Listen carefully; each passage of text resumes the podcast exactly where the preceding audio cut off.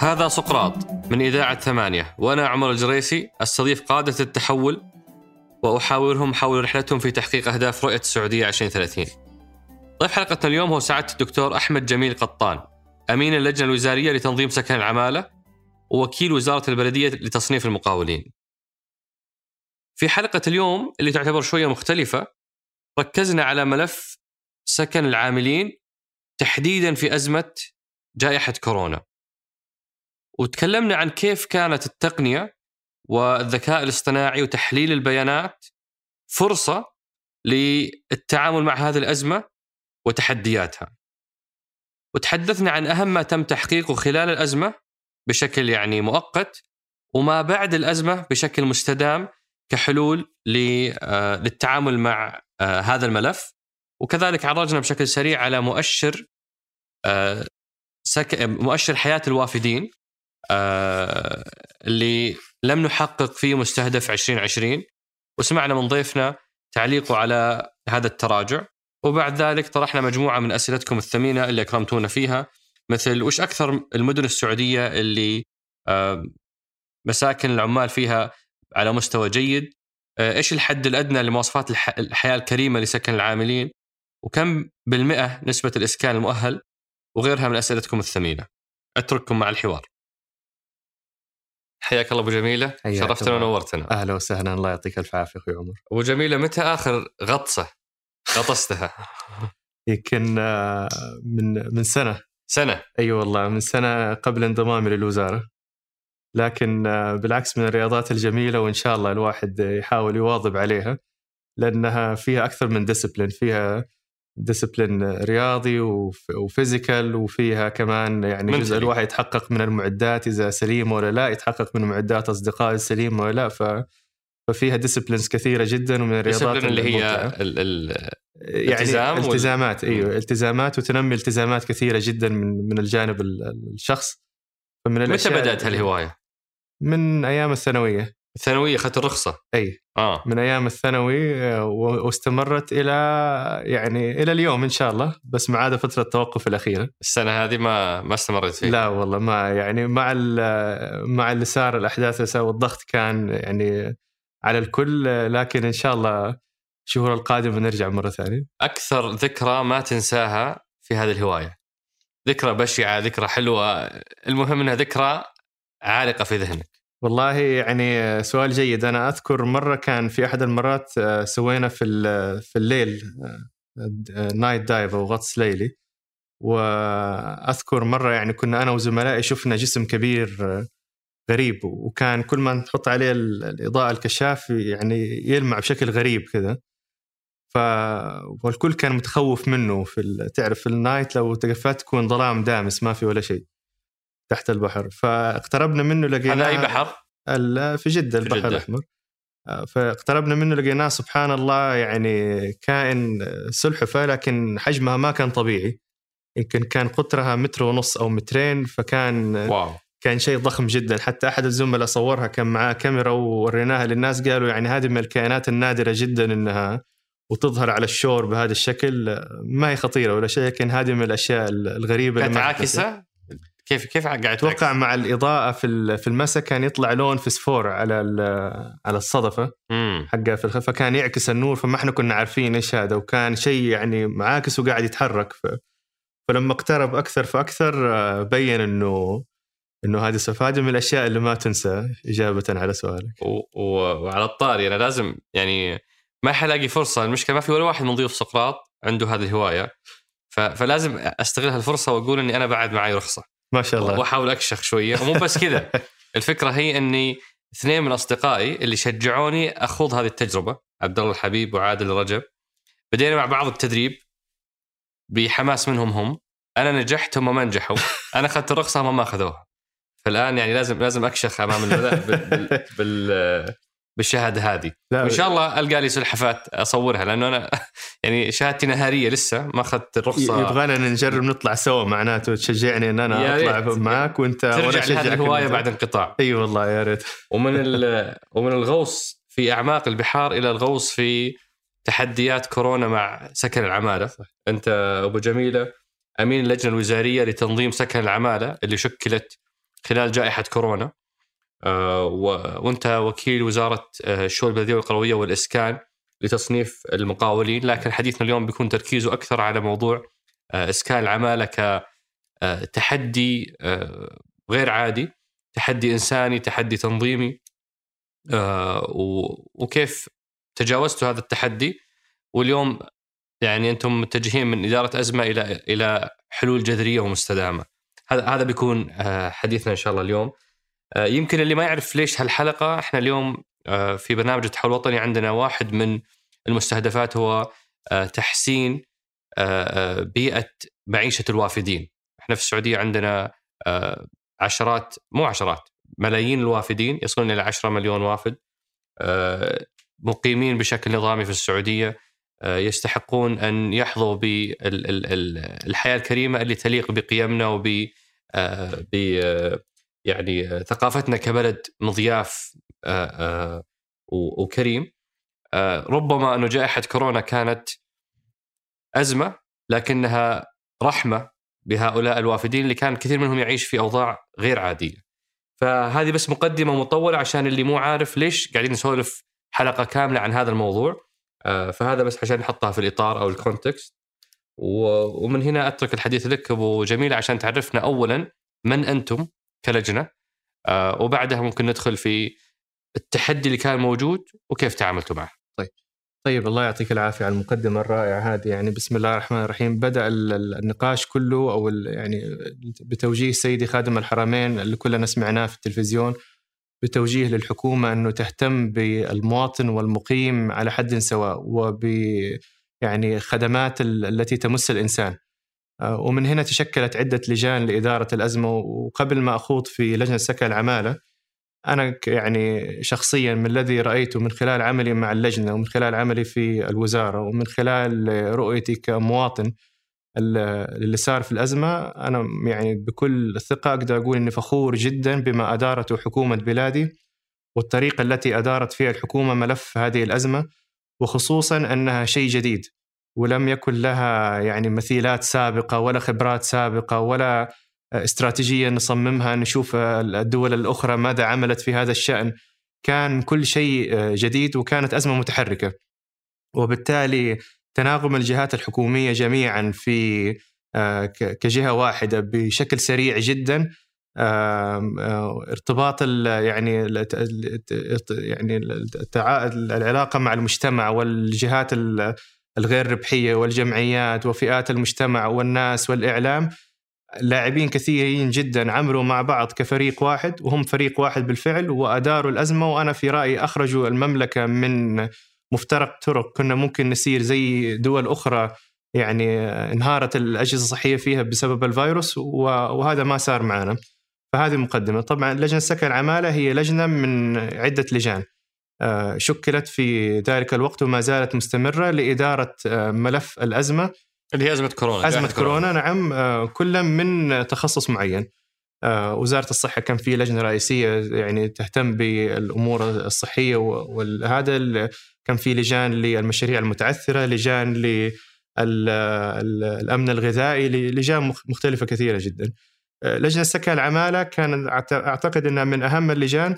لأنه في بدايات الأزمة كانت الأعداد يعني في تنامي آه، ولو تذكر نتكلم إحنا عن عن شهر مارس ولا إبريل شهر مارس إبريل آه، ماي مايو وشهر جون مم. ووصلنا القمة تقريبا في في شهر جون وجولاي لما وصلت الأعداد يوميا كانت بالألوف 3000 و4000 وبعدين تنازلت مرة أخرى بدأت في النزول التدريجي إلى اليوم وصلنا بأعداد بالمئات والحمد لله لكن آه، متى تشكلت اللجنة؟ في أعتقد آه، في نهايات فبراير. نهاية فبراير. في نهاية في نهاية فبراير لا يحضرني التاريخ بالضبط الآن لكن في نهاية فبراير وأوائل مارس. كانت أول جلسة ليها في في شهر مارس وكان الاجتماعات بشكل يومي لأنه كان زي ما ذكرت إن الأمور متحركة وكان المعطيات كثيرة جدا ولازم يكون في حراك سريع جدا. آه، وبالتالي آه، يعني هذه اللجنة شكلت كان مسؤوليتها موضوع سكن العمل لو تذكر الأرقام كان في في البدايات كانت وزارة الصحة تعلن عن نسب الإصابات بالسعوديين وغير السعوديين وكانت في البداية كان نسبة السعوديين أقل من غير والآن يعني الأرقام كلها واحدة. لكن آه، مع الملاحظة الفعلية وجد إنه أكثر أماكن فيها انتشار للمرض والعدوى هي المساكن التي فيها عدد كبير من الناس من وخصوصا يعني إخواننا العمال لأنها كانت مساكن لحد ما ضيقة.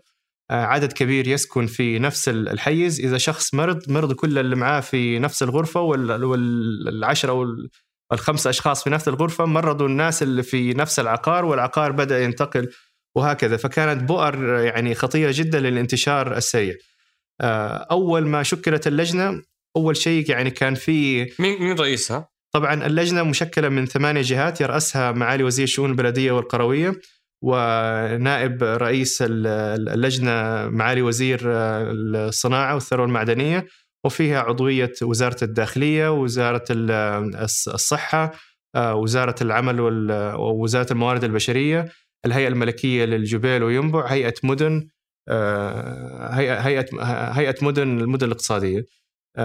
ثمانية جهات. أول ما ابتدت الاجتماعات كان يعني للجنة هذه كان في صعوبة في تقييم حجم المشكلة بسبب إنه البيانات لم تكن موجودة في مكان واحد. وكان في أنا شخصيا من يعني كان عندي آه خلينا نقول آه نوع من التوتر لأنه نبغى نسوي اكشن لكن ماني عارف إيش الاكشن اللي يصير.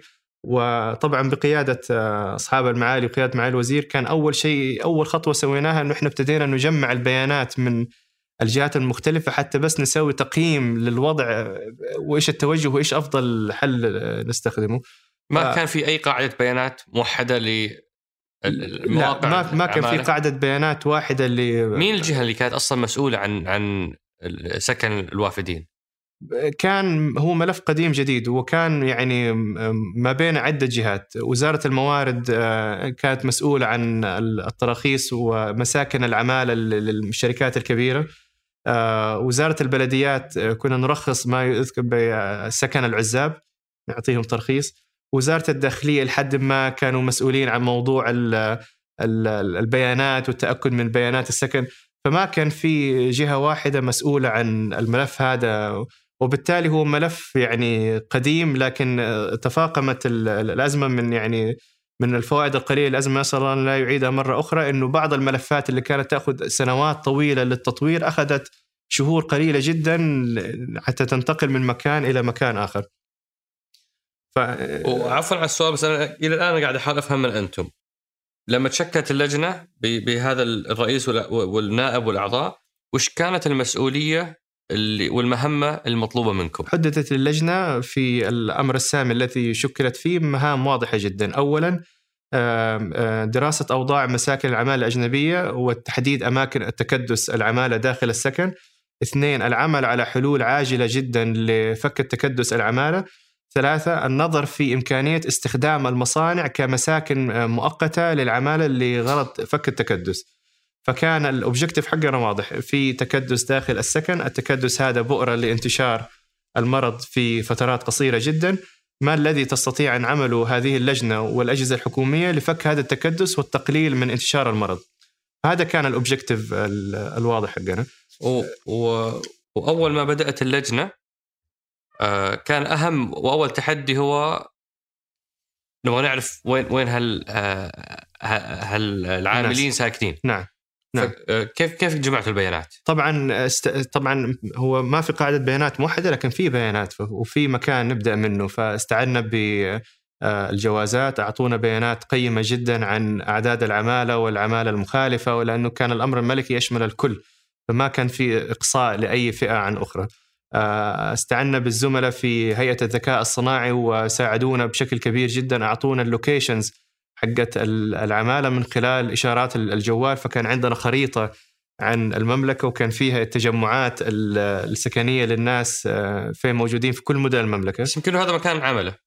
آه هذه نقطة جيدة لكن تعمدنا أنه نأخذها في وقت متأخر من الليل آه، في يوم weekend لأنه ال data موجودة فكان الساعة ثلاثة يعني في الفجر في يوم جمعة فأغلب التجمعات الناس تكون موجودة غالبا في أماكن الراحة والنوم وكذا. وإحنا ما يعني ما كان الهدف إنه نتابع أشخاص بعينهم لأنه إحنا لسنا جهة مخولة لكن كان الفكرة نرى تجمعات الناس فين وبالتالي تجمعات الناس من حسب الجنسيات وحسب الأعمار وحسب كذا تعطيك دلالة عن أماكن هنا جت قيمة شهادة الدكتوراه. انت انت انت دك يعني دكتوراه في الذكاء الاصطناعي. أي صحيح. يعني مع سدايا يعني بديتوا تشوفون البيانات هذه وكيف ممكن ها صحيح. توصلكم للأشخاص. والزملاء في سدايا طبعا محترفين وهذا يعني عملهم من من واقع الاختصاص. فساعدونا مو فقط على ذلك لكن ساعدونا باستخدام نماذج من الذكاء الصناعي بفلترة البيانات حتى نتأكد إنه التجمعات هذه فعلا هي تجمعات سكنية وزي ما أنت ذكرت ما هي تجمع عمل. أو تجمع في مستشفى شفت ليلي أو كذا فساعدونا في هذا كثير جدا وهذه كانت من المعلومات القيمة اللي أضافت للجنة كيف تبدأ توجه العمل. وبعد ذلك ابتدينا ننتقل إلى مرحلة التخطيط. الآن وضحت الصورة أمامنا عرفت وين مواقع تجمعهم؟ عرفنا فين المواقع، عرفنا إيش الأعداد العمالة المخالفة، عرفنا فين ربطنا بيانات المناسب بالمناسبة وزارة الصحة بالبيانات التأمينات الاجتماعية فعرفنا إيش القطاعات اللي فيها الاكثر يعني إصابات الأعمار التي فيها إصابات أكثر الجنسيات التي فيها إصابات أكثر وليس لأن الفيروس ما له علاقة بالجنس لكن لا علاقة في العادات الاجتماعية. فعرفنا إنه في بعض يعني العادات الاجتماعية مرتبطة أكثر بال زي في الطبخ مثلا في مكان واحد أو كذا. فهذا ساعدنا جدا كثير إنه نكون ليزر فوكست ونعرف فين الأماكن اللي نبدأ عليه حتى نقضي على مثلا 80% من التكدس ب 20% من المجهود.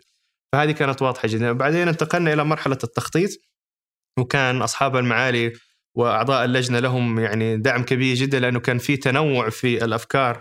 كان معنا الداخلية والصحة والتجارة والبلديات والصناعة والهيئات. وبالتالي الجهات المختلفة هذه كل جهة لها يعني يعني اختصاص مختلف فهذا أعطى تنوع في في الحلول والأفكار وهذا ساعد إنه يكون في innovative solution أو حلول ابتكارية. آه، كيف نبدأ؟ فابتدينا في مرحلة التخطيط. ولو تذكر في بداية صدر بيان مشترك من ثمانية جهات حكومية. آه، بيان مشترك على أهم الأشياء المفروض تصير. آه، والبيان كان يعني كان طبعا في تعليمات واضحة لكن كان هدفه إنه يوضح إنه إحنا الآن نعمل كلنا كجهة واحدة ولنا هدف واحد هو القضاء على الانتشار لهذا الفيروس من وجهة نظر اللجنة في أماكن سكن العماله ومن وجهة نظر الحكومة في كل المملكة. لكن كان هدفه واضح إنه ترى إحنا الآن في أزمة وعملنا عمل واحد. وكان في طلب للقطاع الخاص إنه كل سكن يوفر فيه غرفة عزل يكون غرفة في أي مكان في العمارة أو في الشقة أو كذا بحيث أنه لو تم الاشتباه في أي واحد آه، بإصابته بالأعراض يتم عزله حتى آه، يعني تصل الجهات ذوات الاختصاص أنه يتم تعقيم المساكن مرة يوميا في دورات المياه والمطبخ والأماكن اللي فيها ويتم فحص العمالة درجة الحرارة عند الدخول والخروج وعلى الأقل مرتين يوميا ويتم الاحتفاظ بسجلات بذلك وتحتفظ في مكان معين في العقار. حتى إذا وصلت الجهات المعنية تسلم لهم هذه المعلومات فتساعدهم على معرفة القرار أنه يبدأ يشوف درجة حرارة فلان خلال الأيام الماضية آه، التعقيم. فهذه من أوائل الإجراءات اللي بدأنا فيها. طبعا وتتالت الأعمال هذه كلها يعني تعليمات عامة. كيف تضمنون أنها تتنفذ اليوم داخل هذه المرافق اللي مو بالضرورة أصحابها أعلى درجة من التعلم ولا يعني أصحاب المنشآت اللي كانوا يمكن قاعدين في بيوتهم ما هم عارفين هل تطبق ولا ما تطبق؟ صح. طبعا كان اللجنة آه، دورها تخطيطي لكن كان لها أذرع تنفيذ من خلال دعم آه، أصحاب السمو امراء المناطق في جميع مناطق المملكة. وكل أمارة يعمل تحتها مجموعة ميدانية من اللجان الميدانية كل لجنة من هذه اللجان مكونة من ممثل من الداخلية ممثل من وزارة الصحة ممثل من وزارة البلديات والتجارة والصناعة فكل ممثلين اللجنه لهم تمثيل ميداني. كم عدد اللجان كان حوالي آه، إذا العدد يعني ما ما يحضرني صحيح حوالي 166 لجنة. موزعة في أمارات المناطق وقد يكون أكثر لأنه هذه اللجان تشكل لجان تحتها فبالتالي كان في عدد كبير جدا من ال الموظفين الحكوميين الأيدي والأرجل والأعين والأدمغة الذي تعمل في الميدان لتغطية يعني تعليمات اللجنة أو التوجيهات الاستراتيجية حقت اللجنة على الميدان. لكن بطبيعة الحال لقينا إنه بعد فترة لقينا في فجوة ما بين التخطيط والتنفيذ فكان التخطيط يعني منطقي وجميل لكن التنفيذ بسبب كبر عدد اللجان وكثرة عدد الناس وتنوع المناطق الجغرافية في مناطق المملكة والأجواء وكذا كان في فجوة ما بين التنفيذ والتخطيط.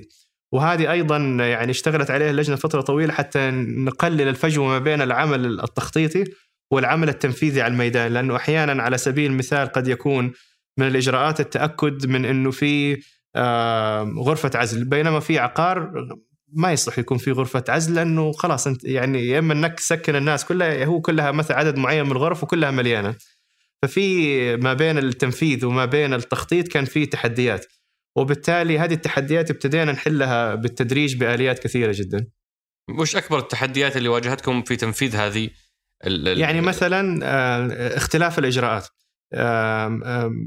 أعطيك أمثلة مثلا في بدايات الأزمة كان زملائنا في الميدان كانوا يعني يخشوا دخول العقار آه، سكن عمالة وكذا خوفا على صحتهم لأنه تعرف في إذا بلاغ لشخص مريض جوا أو كذا وخصوصا الفيروس كان في بدايته ما كان معروف عنه من مارس إلى الآن إحنا الآن شهر يناير يعني تسعة شهور الآن نعرف كثيرا عن المرض ولو واحد مرض يعني صار يعرض يقعد في بيت.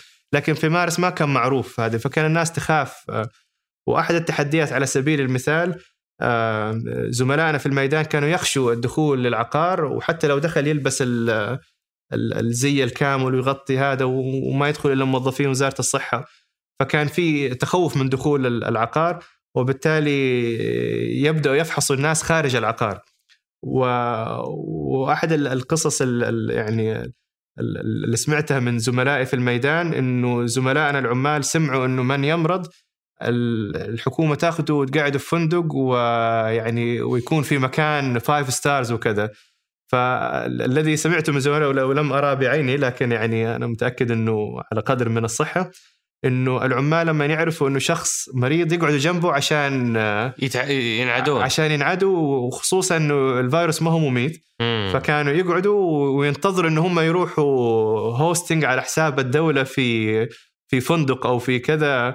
وأحد الصور اللي أرسل لي هي زملائي يعني أذكرها. آه، العمال وهم في الباص يعني رايحين على المصابين العزل إيه؟ المصابين رايحين على أماكن العزل كانوا قاعدين يسووا ثامز ومبسوطين ويأشروا للكاميرا آه، يعني يودعوا الكاميرا وكان الناس سعيدين جوا كأنهم طالعين رحلة فهذه من يعني من الأشياء طبعا من طبعا هذا بناء على توجيهات سيد خادم الحميل لكن من الأشياء التي أكرمت فيها المملكة الناس في فترات العزل وكذا. لكن يعني هذه من الأشياء اللي يعني؟ شفناها على الميدان لكن مم. ما أعتقد إنها من الأشياء الكبيرة لكن من الأشياء اللي ظهرت على الميدان فعلا.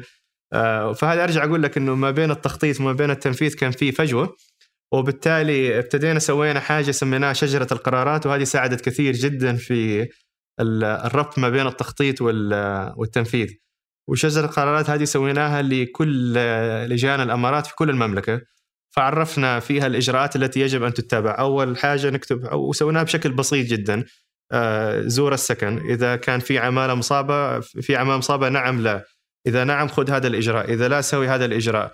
إذا في مدري إيش سوي الإجراء التالي. وبالتالي عرفنا شجرة وسميناها شجرة القرارات وابتدينا نعطيها اللجان والجميل إنه العمل الميداني رجع له مرة ثانية. قالوا إنه في تحديات واجهتهم فعدلنا شجرة القرارات مرة ونرجع نعطيهم هي مرة ثانية ونعدل شجرة القرارات مرة واثنين وثلاثة إلى أن وصل عندنا 28 نسخة من هذه الشجرة.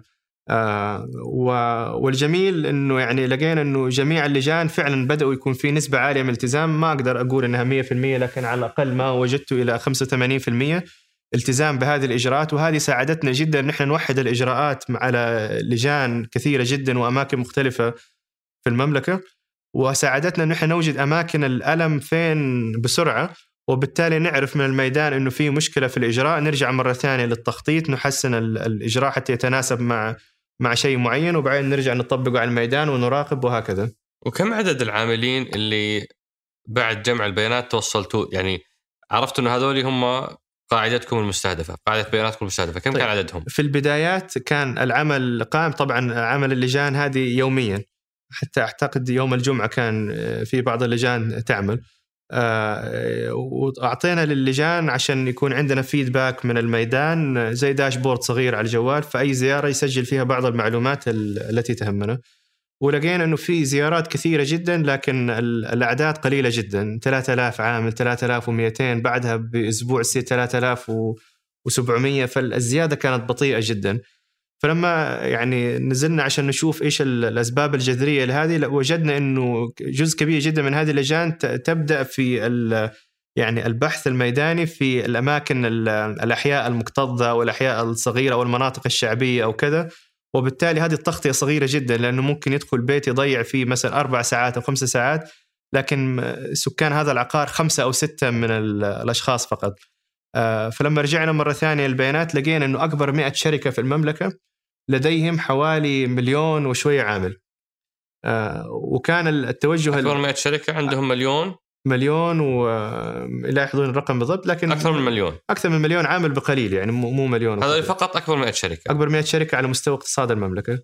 آه فابتدينا قلنا أفضل نوجه اللجان على أكبر 100 لأنه المليون يشكلوا حوالي 25% من الفئة المستهدفة. أفضل من إنه نترك العمل الميداني يعني حسب طبيعة كل مدينة. وبالتالي هذا ساعدنا جدا إنه نركز التواصل على مع 100 يعني منشأة فقط ب 100 رئيس تنفيذي و100 إدارة موارد بشرية أفضل ما نركز على منشآت المملكة كلها اللي هي فوق 900 ألف منشأة. فهذا ساعدنا جدا إنه نضخم الأعداد حقت المستفيدين من خدمات هذه اللجان. نضخم من إجراءات فك التكدس. فكينا عدد كبير جدا من العمالة. بس لحظة أنا إلى الحين أبو جميلة ماني مستوعب وش وش لقيتوا لما لما بديتوا تتجولون؟ خلينا نبدأ بال شركه هذولي. لما رحتوا لهم وش المشاكل اللي شفتوها عشان آه، يعني وش المشاكل اللي شفتوها؟ وش الحلول اللي قدمتوها؟ لل... إحنا نتكلم عن 100 شركة ولا على كل السوق؟ على 100 شركة خلينا نبدأ. على 100 ك... شركة أنا أعتقد إنه كانت رحلة ما هي صعبة لأنه إحنا نتعامل مع عدد محدد من الأشخاص. وبالتالي كان في تفاعل كبير من الشركات بس وش لقيتوا في مساكنهم مساكن عمالتهم؟ جزء كبير من المشاكل لهذه الشركات ليست في نظامية العمالة وليست في مواقع السكن وليست في الإفصاح عن المعلومة لكن فقط في التكدس داخل السكن. ف آه، يعني لأنه القطاع ما كان منظم بشكل جيد خلال السنوات السابقة فمن الطبيعي إنه المنشآت تحاول تقلل التكلفة التشغيلية لها وهذا ليس تقصيرا في المنشآت وليس يعني عدم مسؤولية منهم لكن آه، يعني عشان يكونوا more efficient ولهم إنتاجية أعلى وبالتالي كان في عدد آه، من الأشخاص يسكن غرف معينة آه، في وضع الأزمة ما كان هو أفضل خيار. يعني غرفة 4 متر في 4 متر المفروض يسكن فيها مثلا شخصين أو شخص. ممكن نجد فيها أربع أشخاص. على أربعة. على سرير كل سرير اللي هو الطابقين أو الثلاث طوابق ف فنلاقي أربع أشخاص يسكنوا في حيز أربعة متر. وهذا يعني منطقي لو واحد فيهم بس جاته زكمه عادية أو شيء يعدل الناس اللي معاه في نفس الغرفة. فهنا صار التعاون مع المياه شركه إنه لا نلتزم بمساحة معينة. دورات المياه تكون آه، دورة المياه الواحد تخدم عدد معين من الأفراد. التباعد الالتزام بوضع التعليمات السلامة بلغات مختلفة شلون وديتوا الزي... الأعداد الزايدة هذه؟ هنا اللجنة استفادت من مسارين، آه، المسار الأول آه، تم فتح بوابة إلكترونية سريعة جدا سميناها المساكن البديلة وطلبنا من منشآت القطاع الخاص ومن ملاك العقارات كل من لديه سكن ويرغب في يعني تسخيره لخدمة العمالة وفك التكدس فليتقدم فيه إما بالإيجار وإما بال يعني بالتبرع. والذي يعني وجدناه من خلال هذه البوابة إنه عدد كبير جدا من الأشخاص ملاك العقار وهبوا عقاراتهم لغرض الأزمة والتبرع لمساكين اعمال وفي ناس طبعا وضعوا العقارات لغرض الإيجار لكن عدد لا يستهان به ونسبة يعني لا يستهان فيها آه، تبرعوا بعقاراتهم بدون أي مقابل. كم كم نسبتهم هذول تقريبا؟ إحنا سجلنا سجل عندنا آه، إجمالي عقارات طاقتها الاستيعابية حوالي 700 ألف أو 800 ألف ساكن. عدد العقارات فوق ال 1000 1700 1800 تقريبا إذا ما كان تحضرني الأعداد. حوالي 15% من هذه العقارات كانت تبرع من أصحابها. عقارات تبرع من أصحابها لغرض الإسكان. أيضا وزارة التعليم معالي وزير التعليم جزاه الله خير وزارة التعليم دعمت بشكل كبير جدا بحيث نسقت مع جميع امارات المناطق من جميع مديريات التعليم في جميع المناطق بإعطاء وتسخير المدارس لغرض إسكان العمالة في لغرض فك التكدس. آه، فالآن صار عندنا خيارات متعددة آه، اولا الخيار الأول هو تسكين العمالة في أقرب عقار موجود في المنطقة آه، عقار بالإيجار. إذا لم تكن للمنشاه قدرة مالية أو متعثرة أو كذا يكون أقرب عقار بالتبرع. إذا لم يكن هناك فيكون أقرب مدرسة.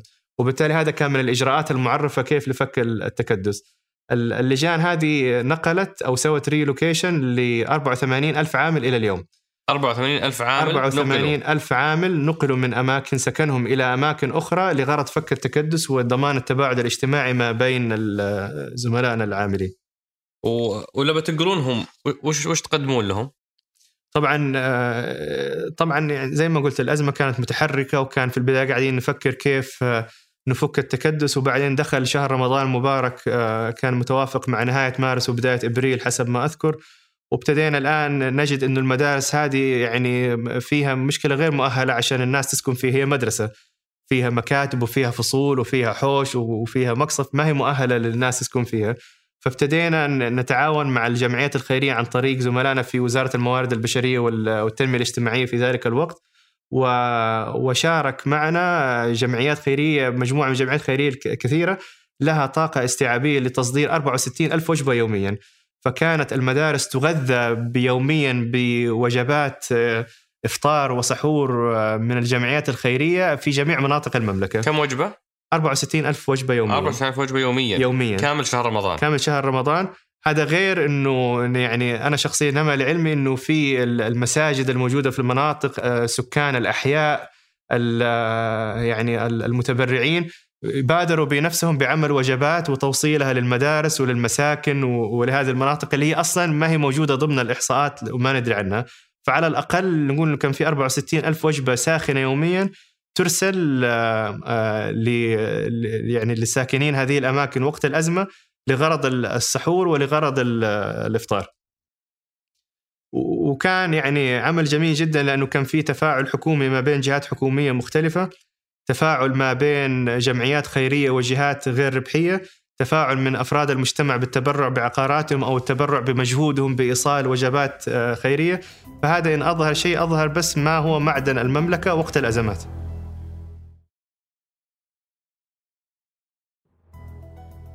وش أكبر مكتسبات يعني آه، إدارة الأزمة هذه ما بعد آه، انتهاء وقت الذروة، أنتم قعدتوا أربع شهور تقريبا هي وقت الذروة. مع انتهاء وش وش أكبر مكتسب؟ طبعا نسأل الله أن لا يعيدها مرة أخرى آه، من أزمة لكن أنا أعتقد إنه كل أزمة ينتج عنها تعلم وبالتالي وخبرات.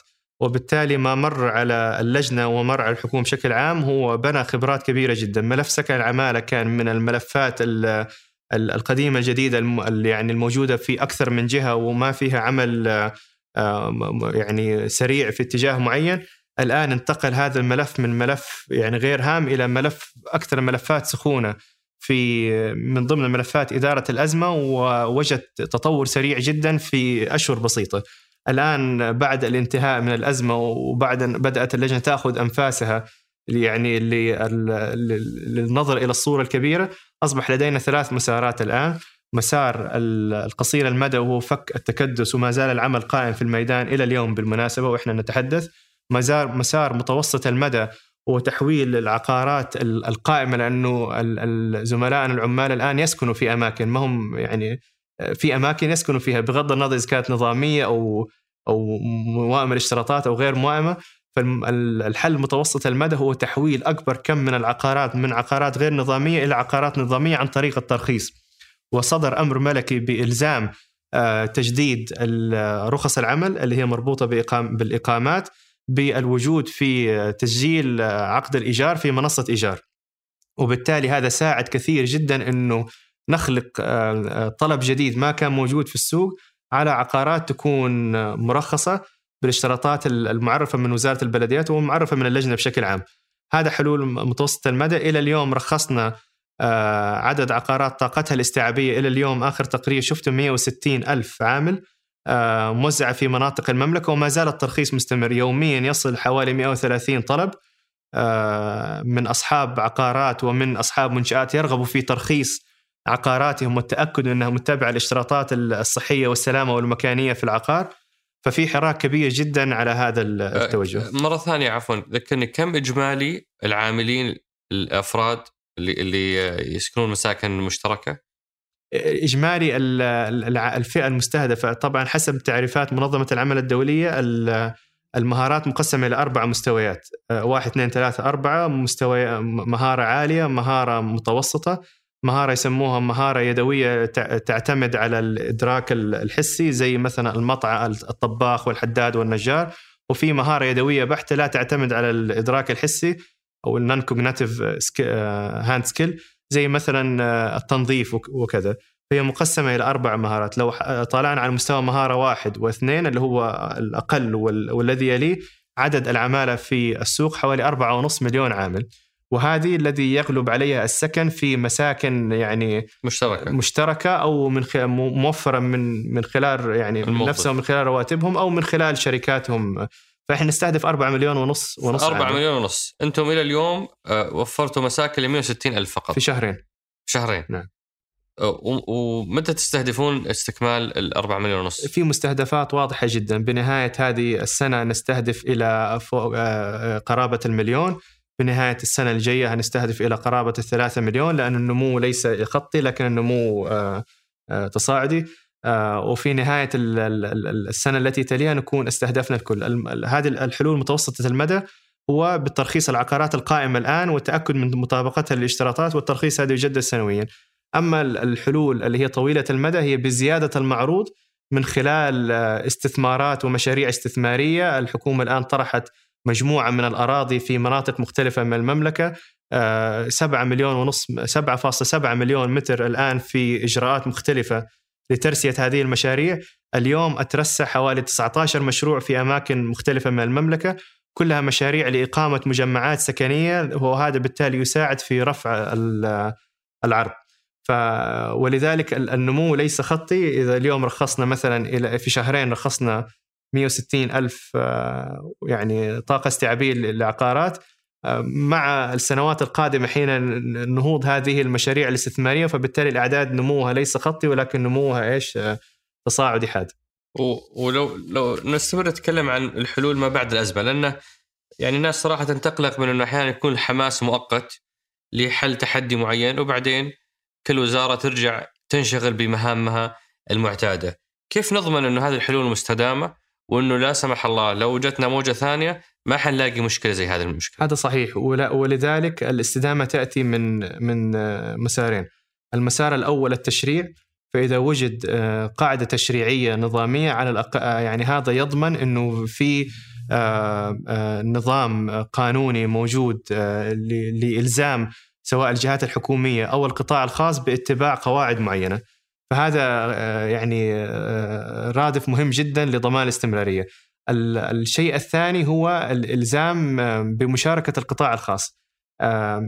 إذا القطاع الخاص بدأ يتشارك في هذه المشاريع من خلال الاستثمار ومن خلال ال ال يعني ضخ الاستثمارات مو لازم في بناء مساكن جديدة حتى في إعادة تصحيح مساكن حاليا من خلال تحسين الغرف تحسين السباكة تحسين الافياش الكهربائية آه، توسيع الغرف حتى تتأكد إنه متابع مطابق لاشتراطات 4 متر مربع لكل شخص دورة مياه واحدة لكل خمسة أشخاص. وبالتالي صار في استثمار من أهل القطاع الخاص ومن أصحاب المنشآت في هذه الصناعة أو في هذا القطاع الجديد. وبالتالي هذا يكون في دائما متابعة مستمرة من أصحاب المصلحة حتى نتأكد إنه هذه المساكن تشغل. فبالتالي ليس فقط تشريع لكن في أصحاب مصلحة آه، مستفيدين والدولة كلها مستفيدة لأنه هذا يرتقي بجودة الحياة. فبالتالي إذا وجدت اصحاب إذا وجد أصحاب المصلحة وجدت القاعدة التشريعية لهم هذا يضمن إنه يكون في استمرارية في في أي عمل حكومي. وحددتوا آه، يعني مواقع الفجوات في, في مناطق المملكة؟ يعني مثلا والله إحنا في الرياض محتاجين هذا العدد من الغرف. طبعا هذه موجودة من طبعا زي ما ذكرت كان في البداية ما كان في قاعدة بيانات موحدة لكن في بيانات متفرقة في الجهات الحكومية. فمثلا من التأمينات الاجتماعية لحد ما معروف الرياض فيها مليون و900 ألف عامل منطقة جدة فيها حوالي 900 ألف عامل منطقة مكة فيها حوالي 750 ألف عامل. فمعروفة ال ال يعني الأعداد لحد ما. وبالتالي في مستهدفات واضحة جدا لدى هذه اللجنة. مستهدفات على وكالة تصنيف المقاولين وعلى وزارة الشؤون البلدية والقروية ضمنيا أنه آه، توفير الاستثمارات والعقارات المرخصة بحيث أنها تكون موائمه للعرض والطلب. مهم جدا بالنسبة ل يعني لأعمال هذه اللجنة أن يكون في موائمه بين العرض والطلب. إذا زاد الطلب وقل العرض فبالتالي ارتفعت الأسعار والناس ما هيقدروا ويبدأ في نوع من التظلم وشح في العقارات. إذا زاد العرض عن الطلب فبالتالي نزلت الأسعار لكن أصبح بعض الناس الذين استثمروا تضرروا من عدم إمكانية استخدام يعني الاستثمارات هذه بالشكل الأمثل. وبالتالي في أهداف ومستهدفات واضحة ليس على مستوى كل منطقة لكن على مستوى كل مدينة. آه، بالعدد العقارات الذي يجب أن ترخص أو مستهدف ترخيصها وعدد الفرص الاستثمارية التي يجب أن تبنى. يعني متاحة ومشاعة؟ لو أحد يبغى يقراها عشان يعرف هل في في فرصة في مدينته يستثمر ولا كيف ممكن يحصلها؟ موجود الآن آه، في منصة فرص، آه، منصة فرص هي منصة لطرح الفرص الاستثمارية في الفرص بس منصة فرص ما تعلمني كم احتياج مدينة الرياض من العماله. هذه هذه بالصحيح منصة فرص فيها الفرص الاستثمارية والأراضي الموجودة لغرض مشاريع آه، مساكن العمالة وأيضا تعمل الآن وزاره على نشر مجموعة من المؤشرات من خلال الموقع الرسمي للوزارة بوابة بلدي حتى نوضح الفجوه ما بين العرض والطلب في كل مدينة. فالتصور اللي عندنا إنه المواطن أو المستثمر يشوف مثلا أي مدينة ويعرف إنه المساكن المرخصة كذا المساكن التي ستكون متوفرة في السوق خلال ثلاث سنوات عددها كذا الفجوه ما بين العرض والطلب كذا فبالتالي هذا يعطي للمستثمر اطمئنان أو مالك العقار إذا لديه عقار قائم ويرغب في تأجيله لعماله يعرف إذا في فجوه ما بين العرض والطلب ويقول لا هذه المدينة فيها آه، فجوه أكبر أنا بروح هناك أو هذه فيكون معلومات السوق مفتوحة للمستثمرين وهذا يساعد في تحفيز شهية الاستثمار. ومتى هذه المنصة تكون متاحة؟ هذه قريبا شغالين عليها الآن حتى في عمل مع زملائنا في شق الإسكان بما أنه نحس أنه وزارة واحدة الآن آه، لعمل مؤشر عن مخزون مخزون مساكن العمالة في مناطق المملكة المختلفة. أنا أعتقد إن شاء الله خلال الأشهر القليله القادمة تكون موجودة ومنشوره في في يعني حد معين أشهر القليله القادمة ممكن تمتد 70 شهر وممكن شهرين. لا أنا أعتقد إن شاء الله في 2021 هيكون موجود. هذا من ضمن المستهدفات على الأقل في الربع الثالث. الربع الثالث. على طاري المؤشرات والمستهدفات فيه مؤشر مو بعجبني أبو جميل. آه، مؤشر أفضل بلد للوافدين. هذا من المؤشرات المذكورة في وثيقة برنامج التحول الوطني. آه، كان ترتيبنا في 2016 63 هو يقاس كل سنتين.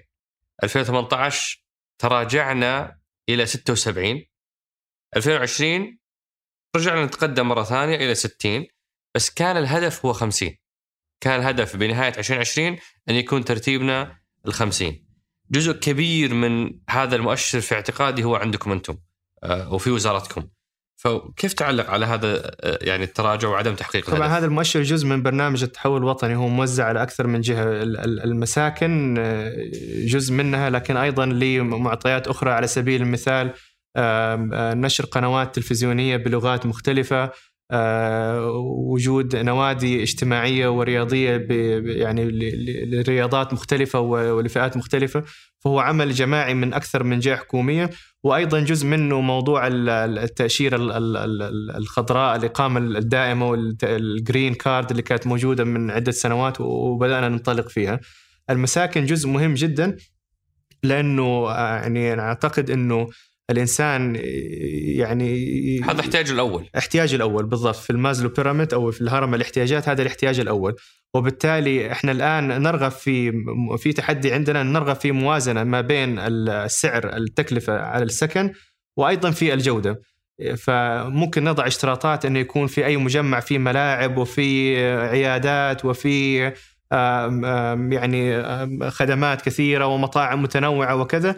لكن هذا في نهاية اليوم سيرفع التكلفة على صاحب المنشأة لأنه الآن أصبح ملزم أن يوفر سكن لعامله وليس له خيار ب يعني إنه يسيب العامل يسكن في أي مكان عشوائي أو كذا هذا ليس خيار الآن.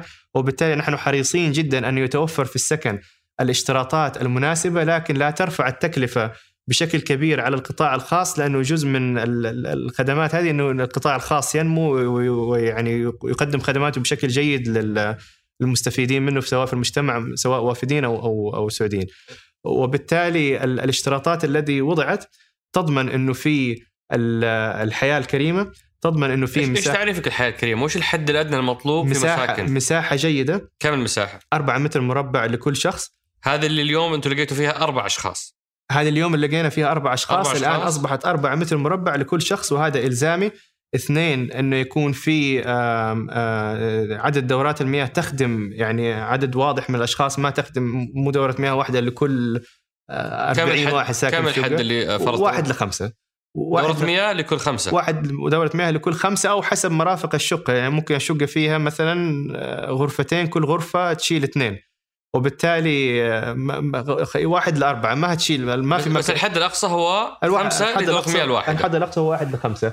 التأكد من أن الأماكن ال- ال- المطبخ وكذا لها اشتراطات معينة لها تهوية معينة استخدام المواد الكيماوية ال- ال- في التنظيف ال- التعاقد مع شركات آه، أمنية وتوفير آه، كاميرات لل- لل- للحماية الأمنية ال- التنظيف ملزم كل مساكن الع- هذه إلزامية. هذه الت- تنظيف خزانات المياه على الأقل مرة كل ستة شهور تنظيف خز- خزانات الله يكرمك ال- الصرف المجاري على الأقل مرة كل سنة وتعقيمها مرة كل سنة.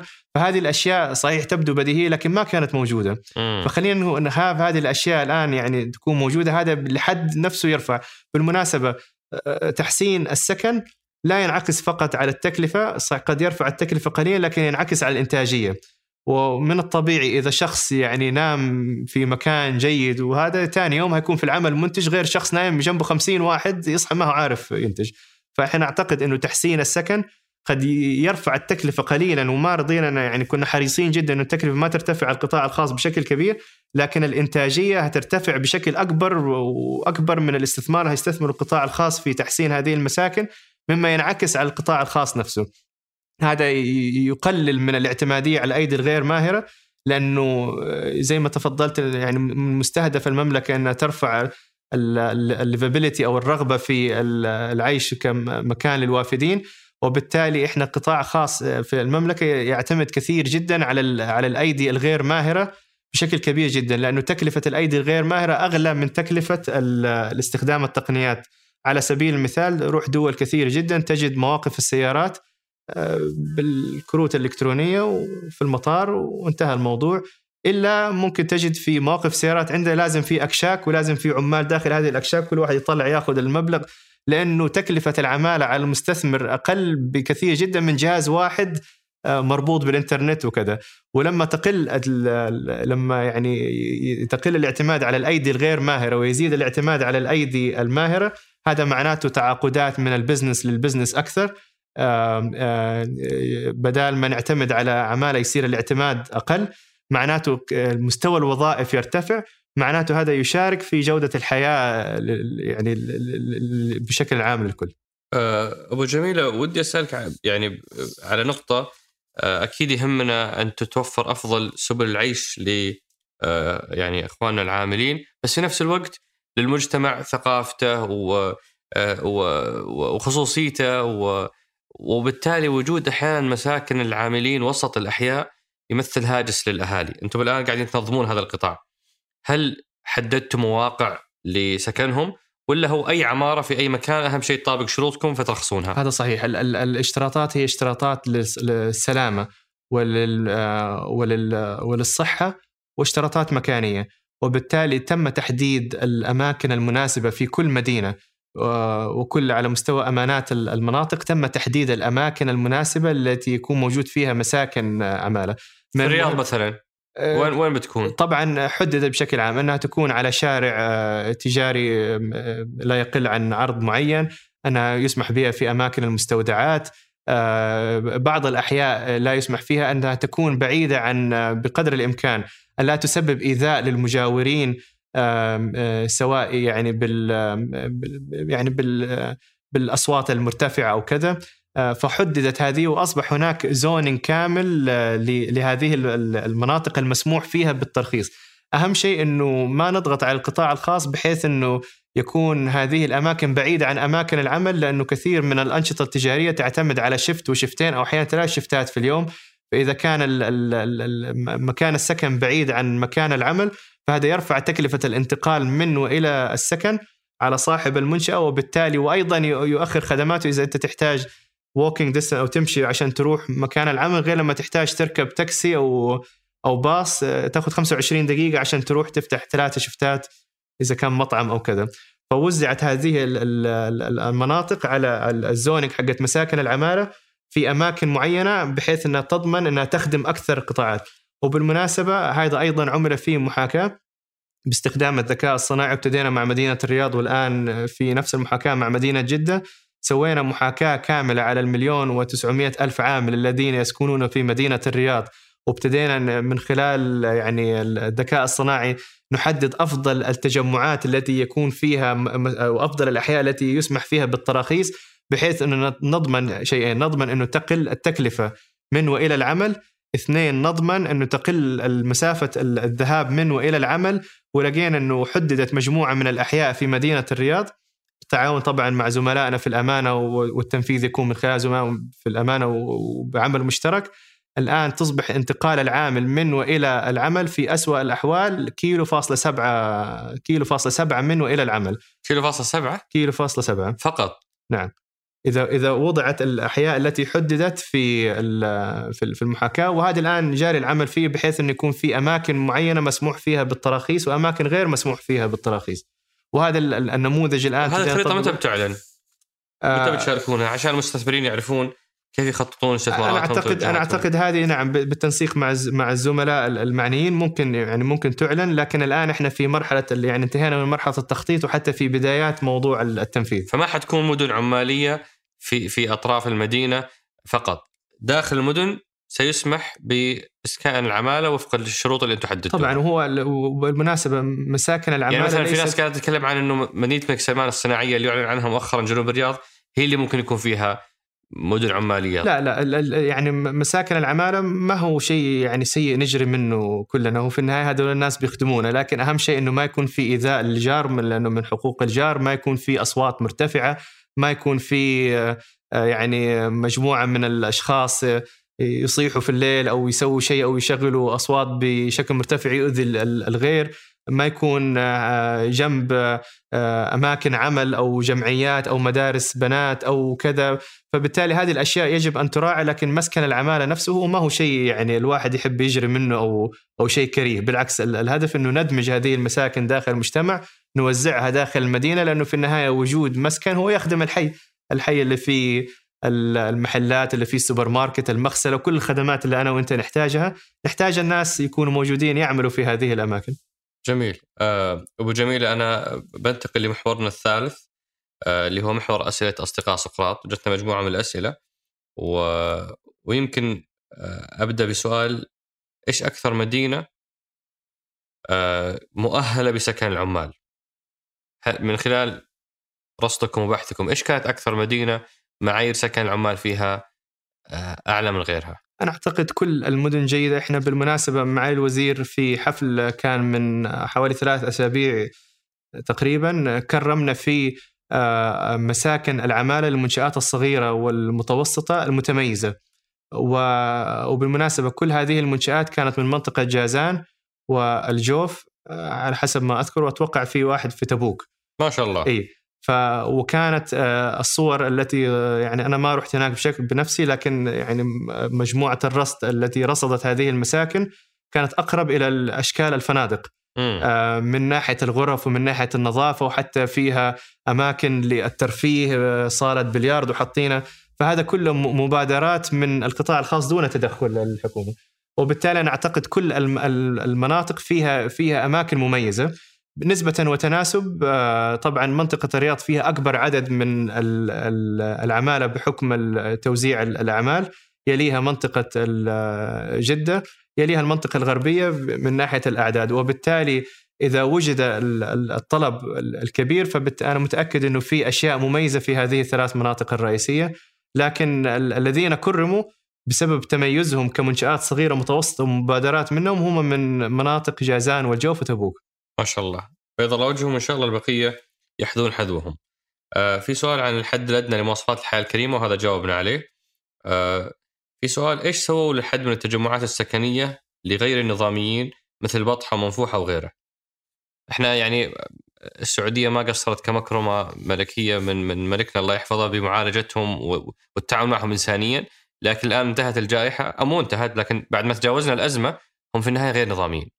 فكيف سيتم التعامل معهم؟ طبعا الآن هذه طبعا لا حلول إجرائية موجودة من خلال زملائنا في الجهات الأمنية بال يعني وفي إجراءات واضحة جدا في هذا الشأن، لكن من ناحية التنظيم الآن صدر أمر ملكي لا يمكن تجديد رخصة العمل أو بمعنى آخر الإقامة دون الاثبات للعامل هذا إنه موجود في سكن نظامي ومرخص ومسجل على منصة الإيجار أو هي منصة السكن الجماعي اسمها منصة السكن الجماعي فهذا يساعد بشكل كبير جدا على ضبط السوق.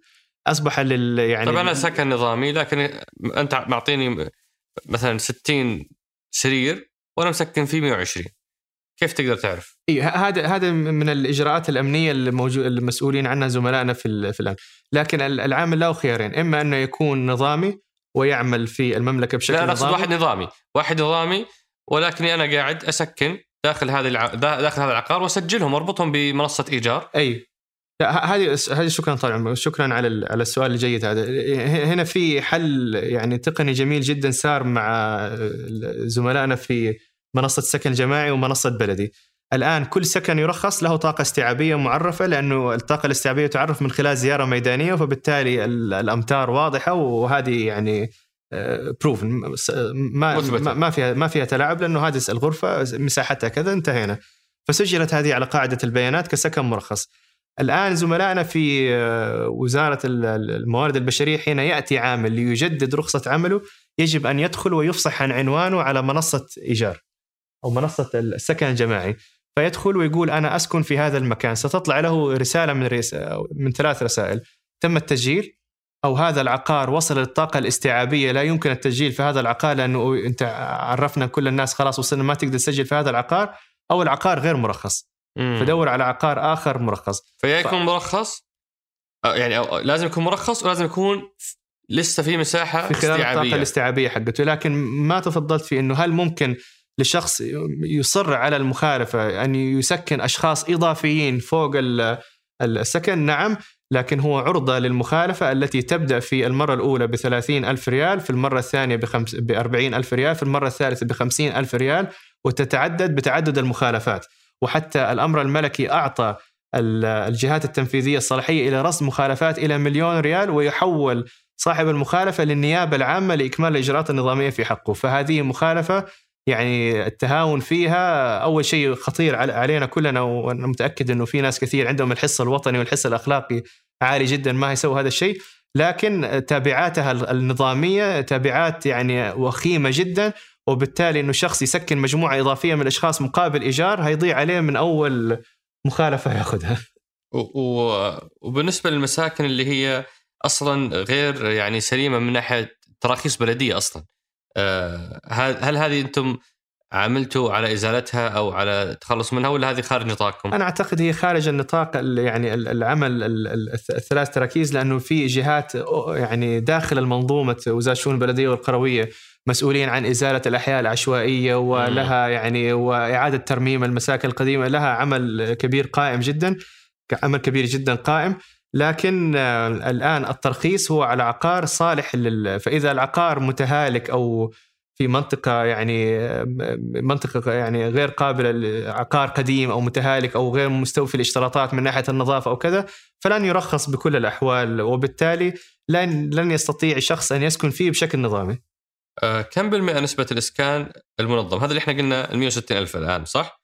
160 ألف من أصل 4 مليون ونص فإحنا نتكلم عن ربع ولا ولا ربع في المية من المساكن اليوم مؤهلة. نعم. والهدف في نهاية 2022 يكون خلصنا. 100% من ال 4 مليون ونص ساكنين في مساكن مؤهلة. إن شاء الله. طيب عظيم. في سؤال أخير وبختم فيه. آه، قد لا يكون في صميم حلقتنا لكن أنا جدا متعاطف مع مع مع مع المهندسين ومتبني قضيتهم وهم يعني يستاهلون الاهتمام. فهم يسألونك دكتور بما أنه الآن آه، يعني أوكل لكم موضوع لائحة الوظائف الهندسية أو أو شيء من هذا القبيل. تصنيف المكاتب الهندسية. تصنيف المك... آه، وحتى موضوع ال ال ال آه، يعني آه، وظائفهم هم ك ك كادر الهندسي. كادر هندسي ف... فما الذي تعدهم به؟ طيب ال ال الكادر الهندسي بالمناسبة هو مشروع قديم رفع من ما بين هيئة المهندسين وما بين وزارة العمل. في ذلك الوقت الآن وزارة الموارد البشرية والتنمية الاجتماعية. وعرف فيه يعني آه، تعريفات للمهندسين والكادر الهندسي حتى كان في نقاش ما بين المعماريين هل المعماري هندسي ولا ما هو مهندس. وهذا النقاش ما بين اعتمد هذا الكادر الآن من مجلس إدارة هيئة المهندسين وهو للعرض على آه، يعني مرئيات وزارة الموارد البشرية. فهذا مشروع قديم. أما فيما يخص التصنيف مكاتب الهندسية لها تحديات كثيرة جدا. بالمناسبة صرف الحكومي على قطاع المقاولات العام الماضي 43 مليار. 5% منها للإشراف الهندسي أي 5% المكاتب الهندسية. عدد المكاتب الهندسية في المملكة المرخصة حوالي 2300 مكتب. إذا ضفت معاهم مكاتب الرفع المساحي تصبح 2600 مكتب. فهو عدد صغير جدا باحتياجات المملكة وبالصرف المهول الذي هو يعني موجود. هذا مشاريع حكومية فقط ما تكلمنا عن مشاريع الإسكان والإقراضات. البنكية للمواطنين عشان بناء الإسكان المشاريع الإسكان الذاتي والمنتجات التي تقدم من وزارة الإسكان في ذلك الوقت. فلهم سوق كبير جدا لكن الحاصل إنه هذه المكاتب يعني لو تطالع القوائم المالية في عندهم مشكلة وبالتالي هذا السوق السوق فيه مشكلة ومشكلة سوق المكاتب الهندسية في رأيي هو مكاتب الشنطة المكاتب التي ليست لها واجهة هندسية ويأخذ العمل ويخرجه خارج المملكة في أي دولة آه، أخرى ويرجع العمل مرة ثانية ويأخذ العمولة في جيبه. وال outsourcing ما هو عيب هو business model لكن هو المنافسة الغير عادلة في السوق هي المشكلة. وبالتالي حين يأتي مكتب هندسي يرخص مكتب ويعين سعوديين ويؤهل ويدرب ويتبع جميع الاشتراطات ويأتي أحمد قطان ب website بيسويه ب 10 دولار في الشهر وياخذ ويوديها على أي دولة أخرى يسوي المخططات ويرجع مرة ثانية. فهذا خلق نوع من المنافسة الغير عادلة وبالتالي تصنيف المكاتب الهندسية هو لضمان آه، ولرفع العدالة في المنافسة للمحاولة من التقليل من هذه المكاتب مكاتب الشنطة. وبالتالي إحنا نتكلم عن 43 مليار 5% من 43 مليار حوالي مليارين وربع تقريبا مليارين ونص. مليارين ونص لو وزعت على 2000 في منافسة عادلة ما بين هذه المكاتب المفروض تجد صافي الربح لكل مكتب على الأقل مليون لمليونين ريال. بس الآن مو هذا اللي حاصل وبالتالي تصنيف المكاتب الهندسية والاشتراطات التي اشترطت فيه هو يعاني منها فقط المكاتب اللي هي واجهة لمكاتب وليست مكاتب فعليا. أما المكاتب التي يعني تمارس أعمالها ولها قوائم مالية ولا تعين مهندسين وهذا وبدليل إنه لدينا الآن 900 مكتب متقدم على التصنيف.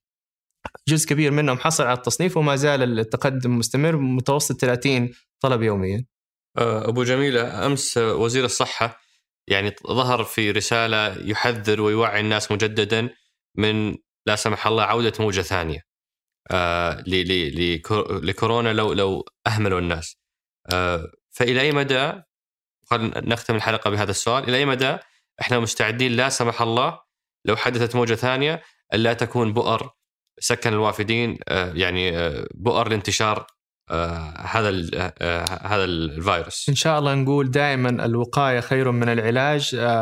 اسمح لي من هذه المنصة إنه أشدد على ما ذكره معالي وزير الصحة الاهتمام بالإجراءات الاحترازية، الاهتمام بالتباعد الاجتماعي فيما يخص مساكن العمالة. أيضا من هذه المنصة أهيب بكل أصحاب المنشآت التأكد من فحص عمالتهم والاحتفاظ بسجلات حتى وإن كانت الفترة الصعبه انتهت لكن ما زال الفيروس قائم. وشهدنا دول أخرى تحور بسيط في الفيروس أعاد المشكلة لمربع واحد ويمكن مربع واحد أصعب من من مربع صفر.